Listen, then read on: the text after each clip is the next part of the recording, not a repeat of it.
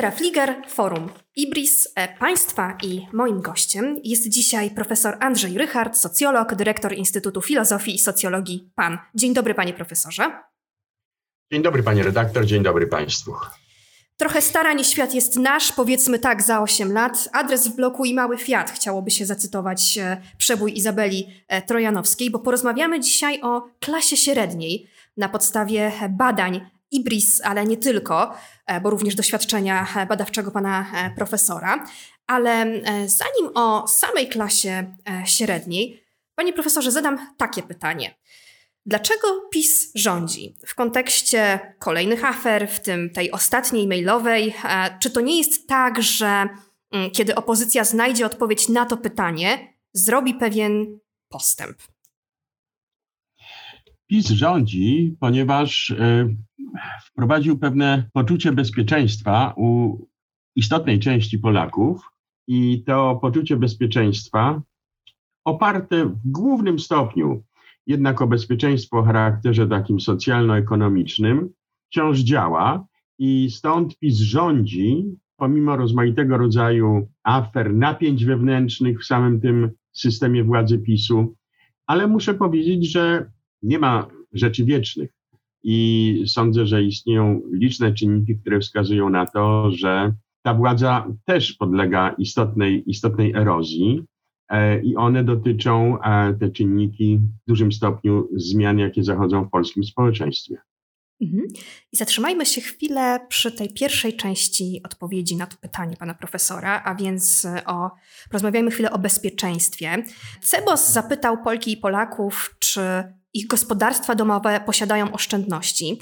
I e, badania, badania pokazują, że w 2007 roku na pytanie tak, moje gospodarstwo posiada oszczędności odpowiadało 23% badanych, nie 77% e, badanych i tak przez kolejne lata, aż coś się zmieniło w 2019 roku, kiedy po raz pierwszy większość badanych odpowiedziała twierdząco, iż tak, moje gospodarstwo domowe posiada e, oszczędności. E, I kolejne wyniki badań Cebosu przeprowadzone w 2020 roku, dwie próby e, i próba również z 2021 roku pokazują, że e, ta tendencja się utrzymuje. Wciąż więcej respondentów odpowiada twierdząco na pytanie, że e, gospodarstwo domowe posiada oszczędności. Chciałam panie profesorze w tym kontekście zapytać, czy nie działa wciąż takie myślenie, że no dobrze, pogarsza się, jest inflacja, prąd drożeje, gaz, gaz drożeje, ale za tamtych to byłoby jeszcze gorzej, jeszcze by na dodatek coś zabrali. Myśli pan profesor, że takie myślenie wciąż pokutuje?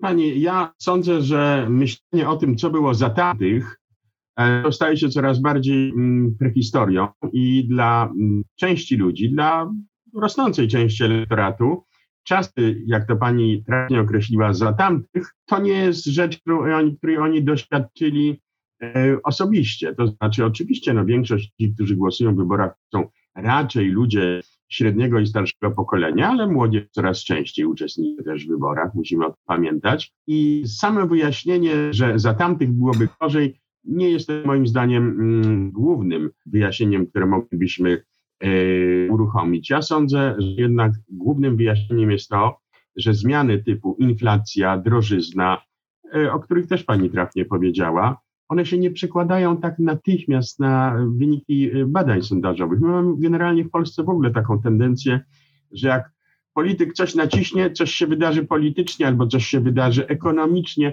niekatastrofalnego, to wtedy to się ma natychmiast przekładać na wyniki badań sondażowych. No tak nie jest. Tu jest potrzebna, e, pewien, potrzebny jest pewien czas, żeby przełamać jakiś rodzaj bezwładności świadomości społecznej, jeśli tak można powiedzieć. I w moim przekonaniu ta rosnąca drożyzna, inflacja, ceny prądu, być może jakieś problemy z, w ogóle z energią w Polsce, a także w dłuższej perspektywie jednak problemy środowiskowo-klimatyczne, że to się będzie przekładało na y, poparcie dla takiej partii jak PiS i to jest jeden czynnik, a drugim czynnikiem jest to, że nawet ta, powiedziałbym, socjalna część bezpieczeństwa, ona też do pewnego stopnia się już wyczerpuje. No krótko mówiąc, to, co jest tym jak gdyby pewnego rodzaju mitem wyjaśniającym spokój, że jest to pewne, tym mitem jest te 500 plus, prawda, że dla, dostali Polacy 500 plus i dlatego PiS rządzi.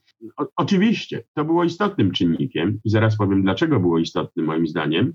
Natomiast to też nie działa wiecznie. E, to notabene także jakoś częściowo widać e, w tych wynikach Państwa badań. Natomiast w tej chwili 500 plus i rozmaitego rodzaju benefity socjalne są rzeczą jak gdyby już naturalną. I ludzie coraz bardziej dostrzegają, że to, co PiS wprowadził, no to jest w istocie taki rodzaj no, antyliberalnego indywidualizmu, co by się wydawało sprzecznością samą w sobie, ale co polega na tym, że masz 500 zł, masz dodatkowe pieniądze i radź sobie sami. Ludzie dostrzegają, że to nie rozstrzygnie i nie załatwi problemów związanych z dostępem do dobrych publicznych usług, do w ogóle całej sfery publicznej dotyczącej zdrowia, dotyczącej edukacji, że krótko mówiąc, za 500 plus nie kupi sobie pani endoprotezy, już wyostrzając bardzo, e, więc to też moim zdaniem przestanie działać. Dlaczego to działało na początku? No to to jest ten istotny czynnik, który PiS potrafił wykorzystać. To znaczy, poprzednia władza za tamtych, jeśli tak można powiedzieć, trzymając się tej terminologii, czyli władza, e, w której dominującą siłą była Platforma Obywatelska, starała się oddzielić jak gdyby politykę od życia codziennego. Pisała na swoich billboardach, nie róbmy polityki, budujmy szpitale, czy coś w tym stylu. Pamiętam dokładnie takie billboardy. Krótko mówiąc, pewien sukces transformacyjny, który był wtedy osiągnięty niewątpliwie, został oddzielony od polityki. I potem, kiedy przecież sytuacja nie była całkiem zła, przyszedł rok 2015 i pra, Prawo i Sprawiedliwość wygrywa wybory. Dlaczego? Między innymi, między innymi dlatego, że ludzie nie widzieli związku pomiędzy ich już też jakoś polepszającą się sytuacją ekonomiczną, a działaniami politycznymi e, rządu, władzy. To było oddzielone. Sukces transformacyjny był oddzielony. Ludzie myśleli, że zawdzięczają to wyłącznie sobie. I przychodzi Kaczyński i co mówi? Ja daję 500 plus każdemu. Natychmiast odbudowuje związek pomiędzy życiem codziennym i sytuacją w życiu codziennym indywidualnego człowieka, a decyzjami politycznymi. Dajemy 500. Plus. Każdy odczuwa 500. Plus. Odbudowanie związku pomiędzy polityką a życiem codziennym było jednym ze źródeł sukcesów i wciąż utrzymującego się, choć już erodującego poparcia dla Prawa i Sprawiedliwości, moim zdaniem. Poruszył pan profesor bardzo wiele ciekawych e, wątków, więc może e, spróbujmy rozłożyć je na czynniki pierwsze i zacznijmy od usług publicznych. To jest bardzo ciekawe, co, co pan profesor powiedział i koreluje z badaniami jakościowymi IBRIS-u, z których wynika, że dużo do myślenia Polkom i Polakom dała pandemia i tarcze antykryzysowe, że pojawiło się to myślenie, że pomoc państwa może być mi E, potrzebna. I e, patrzę też na e, wywiad, którego Przemysław Sadura udzielił krytyce politycznej i tam pan profesor odpowiadając na pytanie Jakuba Majmurka o to, czy usługi publiczne mogą być atrakcyjne dla tego, co Jakub Majmurek nazwał ludowymi wyborcami PiS, by porzucili partię, która daje im do ręki transfery, profesor Sadura odpowiada w ten sposób. Barierą jest brak zaufania do państwa i instytucji publicznych. Ci ludzie skorzystaliby z usług publicznych, pytanie jednak, czy potrafią zaryzykować i zaufać, że państwo tu sobie poradzi. Do tej pory państwo polskie zawodziło, nie dostarczało usług na odpowiednim poziomie, PiS dał ludziom wróbla transferów, którego trzymają w garści. Usługi publiczne to ciągle gołąb na dachu. Trzeba by ludziom dać gołębia na tacy. To jest wielkie wyzwanie i zadanie e, lewicy. Jakby odrywając się może od lewicy, to panie profesorze, czy usługi publiczne właśnie mogą być tym, co przyciągnie wyborców. Pełni zgadzam się z opinią profesora Sadury, że to jest kwestia sprowadzenia gołębia z dachu na, na tacę. Z jednej strony to jest rzeczywiście, tak jak on mówi, kwestia niewielkiego zaufania do, e, do władz e, i lepiej jest mieć coś niedużego, ale jednak w zasięgu ręki, niż niepewną reformę, ale z drugiej strony to jest także kwestia języka. 500 zł przemawia do, do indywidualnego Polaka. Reforma no to to jest po pierwsze brak zaufania, po drugie to jest język, którego ludzie nie słyszą, nie bardzo rozumieją.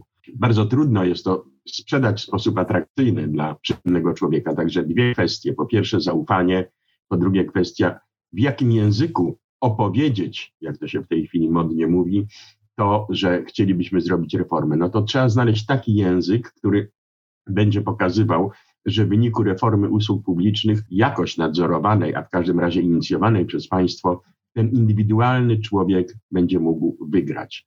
Bo inaczej to on będzie wybierał rzeczywiście to, że no choć trochę moja niepewność na rynku usług publicznych zostanie zredukowana przez to, że będę, że będę miał troszkę więcej pieniędzy. No ale to już przestaje działać. Moim zdaniem przyszłe wybory będą wygrywali ci, którzy będą potrafili nazwać w sposób atrakcyjny usługi publiczne i na tym być może zbudować trochę zaufania.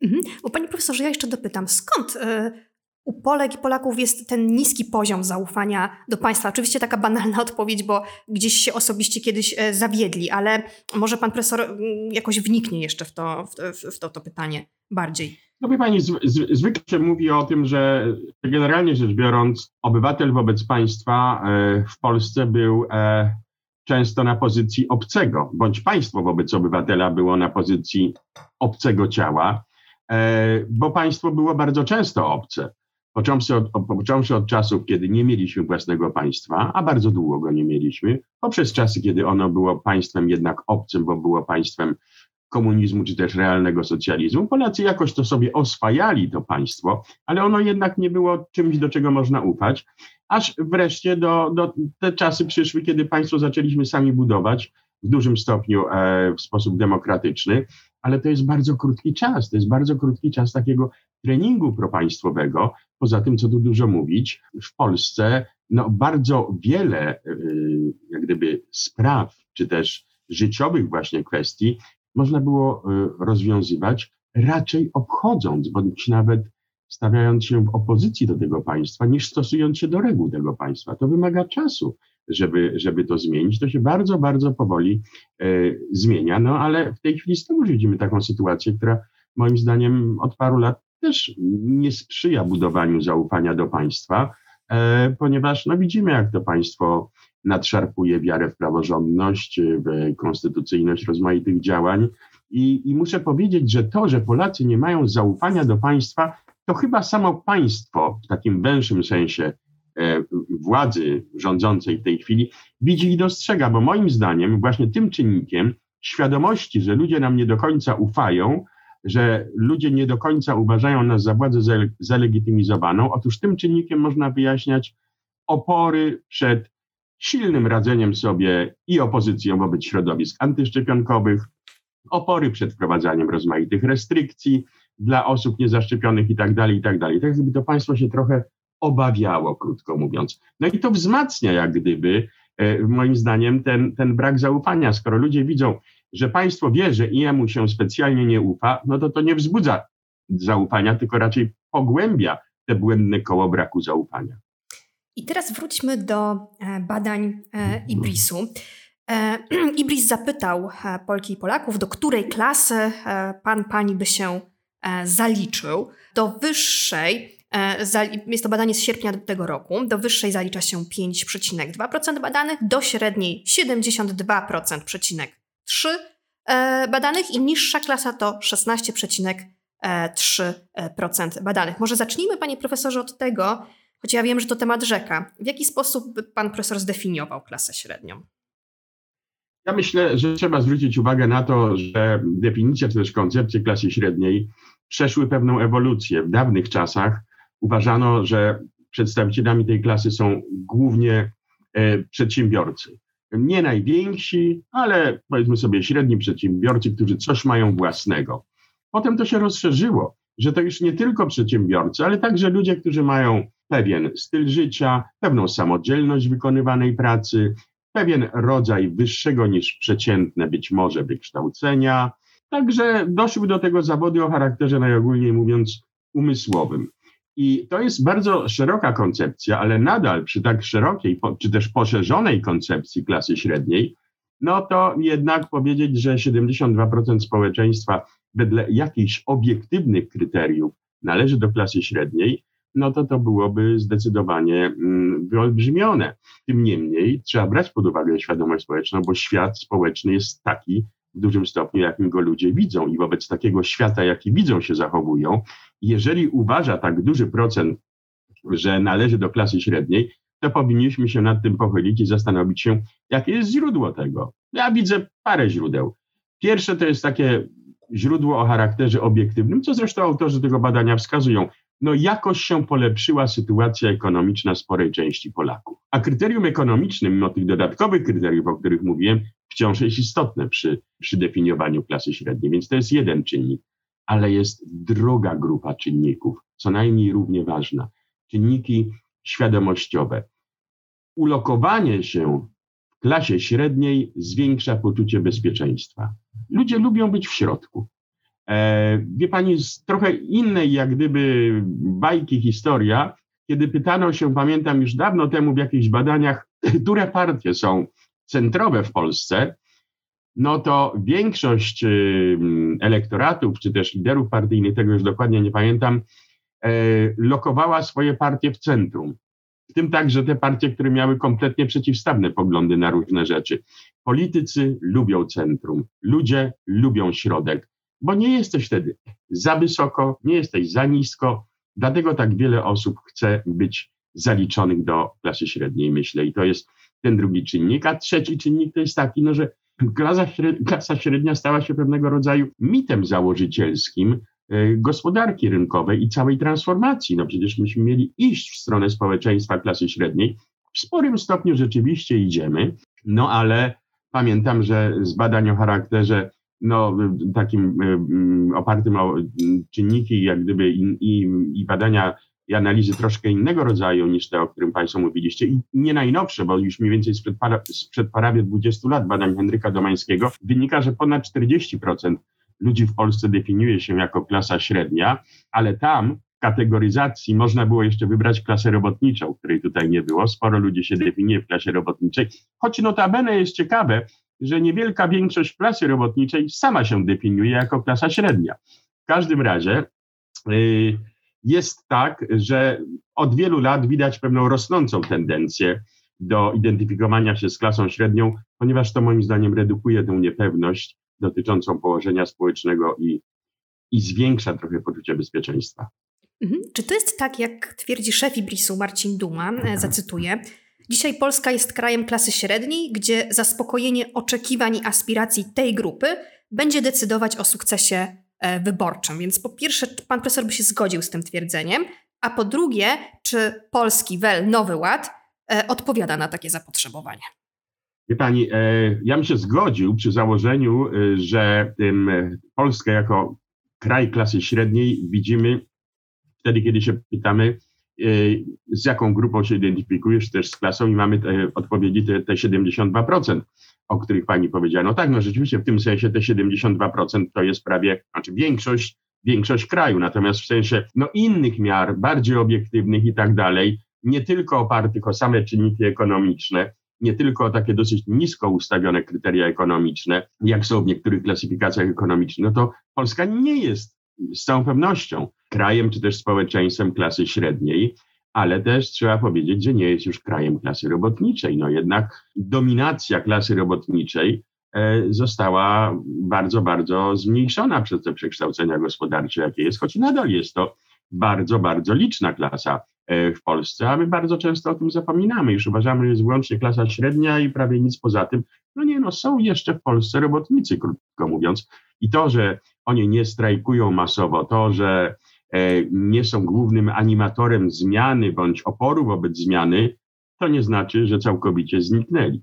E, krótko mówiąc, uważam, że klasa średnia jest ważna. E, nie tak być może, jakby wskazywał to na to ten wynik 72%. Teraz Drugie pani pytanie. A, panie profesorze, może Pols... zanim to drugie, to, to ja jeszcze dopytam o jedną rzecz, bo to mnie też za, zafrapowało. E, mówi pan e, profesor o e, robotnikach. E, a ja zapytam jeszcze o inną część społeczeństwa, o budżetówkę. Jakiś czas temu przeczytałam książkę Marka Szymaniaka Zapaść, reportaże z mniejszych miast. I z tej książki jakoś szczególnie w pamięć zapadł mi przykład kobiety, urzędniczki, z jednej z małych miejscowości e, w Polsce, jeszcze dobrze pamiętam, to był e, Tomaszów Lubelski. I ta kobieta mówi tak z dużymi emocjami: Ja jestem urzędniczką państwową, a zarabiam 1900 zł miesięcznie. I potem opowiada, jakie ma trudności z zakupem mieszkania, że jest to po prostu dla niej niemożliwe. Więc gdyby jeszcze się pan profesor przyjrzał tej części społeczeństwa, budżetówka. No, wie pani, uruchamiamy bardzo różne kryteria tutaj, no bo z kolei budżetówka e, to jest ta część społeczeństwa, która przypuszczam w sporej jednak swojej części tak, żeby się identyfikowała e, z klasą średnią. Rozumiem, że przez budżetówkę rozumiemy tych, którzy pracują w instytucjach finansowanych z budżetu e, z budżetu państwa. Tak. No więc ci ludzie w dużym stopniu w swojej absolutnie dużej większości, w moim przekonaniu, mają prawo czuć się sfrustrowani. I to, że oni mają między innymi, dosyć często zapewne, taką sytuację finansową jak ta pani, o której pani powiedziała, to deprecjonuje nie tylko ich samych w oczach ich samych, ale także deprecjonuje państwo, ponieważ to pokazuje właśnie między innymi y, słabość państwa. Także frustracje tej grupy są istotne. No, mieliśmy do czynienia z protestami tej grupy. Muszę powiedzieć, że my jesteśmy także świadkami e, od pewnego czasu, no już właściwie od wielu lat, pewnej ewolucji protestów. To już nie tylko ściśle sytuacja materialna, ale właśnie dostęp do usług publicznych, do zdrowia, do edukacji, do informacji staje się e, przedmiotem sporów, frustracji i nierówności społecznych i także grupy społeczne związane z tymi zawodami, które pracują dla tych kwestii, jak na przykład właśnie nauczyciele, przedstawiciele służby zdrowia, coraz częściej protestują. Polska to już nie jest kraj wielkich masowych protestów robotniczych, e, opartych głównie o to, że prawda, o, są podwyżki cen i protestujemy, bo taka była przecież historia PRL-u i taka między innymi była geneza Solidarności. E, jedna, jeden z elementów tej genezy na pewno.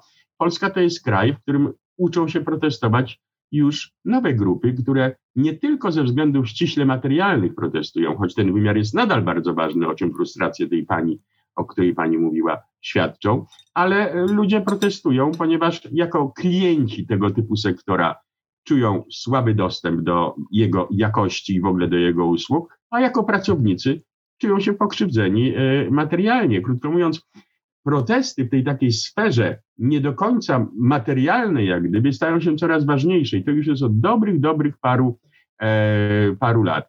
E, pielęgniarki, kiedy zbudowały pierwsze swoje białe miasteczko, to był jak gdyby, no, to był pewien nowy symbol. Dopiero wtedy uczyły się protestować. Teraz przedstawiciele służby zdrowia już wiedzą, jak budować białe miasteczka. Nauczyciele, e, inne grupy tego rodzaju tego typu protestów w społeczeństwie, które no, w nieuchronny sposób, wolniej niż inne społeczeństwa zachodnie, ale na pewno jednak przychodzi z fazy ściśle przemysłowej do fazy postprzemysłowej, będzie coraz więcej. I zarówno grupy sfrustrowane e, na tym tle grupy klientów, jak i pracowników e, tych sektorów muszą się uczyć i uczą się, jak protestować, a władza powoli, ale jednak chyba też będzie musiała się uczyć, jak te protesty brać pod uwagę. To już nie tylko jest przyjeżdżanie i palenie opon przez górników, to już jest zupełnie inny rodzaj protestu. Panie profesorze, teraz właśnie Nowy Ład, e, zwany również Polskim Ładem, czy on odpowiada na te aspiracje, o których rozmawialiśmy wcześniej? No, Nowy Ład miał, powiedziałbym, problem z e, może nie tyle z poczęciem, co z e, przyjściem na świat. No, przyszedł na świat i, i krótko mówiąc, nie uzyskał dobrej opowieści, ponieważ zdominowała go opowieść o tym, że on oznacza podwyższenie podatków, co jest zabójcze akurat dla aspiracji rodzącej się klasy średniej. Nie tylko tej istniejącej wedle kryteriów obiektywnych, ale i tej, która chciałaby być tą klasą średnią. I żadne tłumaczenia, że, że jednak większość będzie miała nienaruszone podatki i na tym nie straci, nie trafiały. Krótko mówiąc, nowy ład nie ma tego czegoś, tego czym był haczyk 500 plus, w Nowym Ładzie tego czegoś nie ma. Tam są jakieś pozytywy oczywiście, które pozytywy w sensie odbioru przez ludzi, bo nie twierdzę, że to jest w ogóle ekonomicznie cały pomysł kiepski. Nie, tam są rozsądne pomysły i są takie, które też trafiają do, do ludzi, ale one są rozproszone. Zdominował ten przekaz jednak komunikat pod tytułem będziemy podwyższali podatki. I to jest y, słabe i muszę powiedzieć, że to nie trafia w aspiracje klasy średniej. Czyli podsumowując, jeśli dobrze to rozumiem, to co utrzymuje e, PiS przy władzy, a więc to poczucie bezpieczeństwa, poczucie, że wielu Polkom i Polakom poprawiło się, ich budżet domowy jest e, bardziej stabilny, to jednocześnie może być dla PiSu pułapką i odebrać mu tę władzę? No, wie pani, może być pułapką, ponieważ zawsze tak jest, że wtedy, kiedy rosną aspiracje i kiedy tym rosnącym aspiracjom towarzyszy wzrost możliwości ich zaspokajania, to jest stabilność. Ale rewolucje nie wybuchają wtedy, kiedy jest najniższy poziom e, jak gdyby zaspokojenia tych potrzeb i aspiracji. One wybuchają zwykle wtedy, jak już klasyka socjologii nas tego uczy, kiedy po pewnym okresie wzrostu zaspokojenia potrzeb następuje jakieś załamanie, typu właśnie drożyzna, inflacja i tak dalej. I wtedy aspiracje nadal rosną, a poziom ich zaspokojenia jest niższy, i krótko mówiąc, mimo tego, że ten poziom zaspokojenia jest nadal wyższy niż był na samym początku, to to jego załamanie powoduje, że rośnie odległość między aspiracjami a e, ich poziomem zaspokojenia, i to jest czynnik, który może powodować protesty i zmiany. Bardzo dziękuję. Państwa gościem e, był profesor Andrzej Rychard, socjolog, dyrektor Instytutu Filozofii i Socjologii PAN. Dziękuję za bardzo ciekawą rozmowę. Dziękuję bardzo.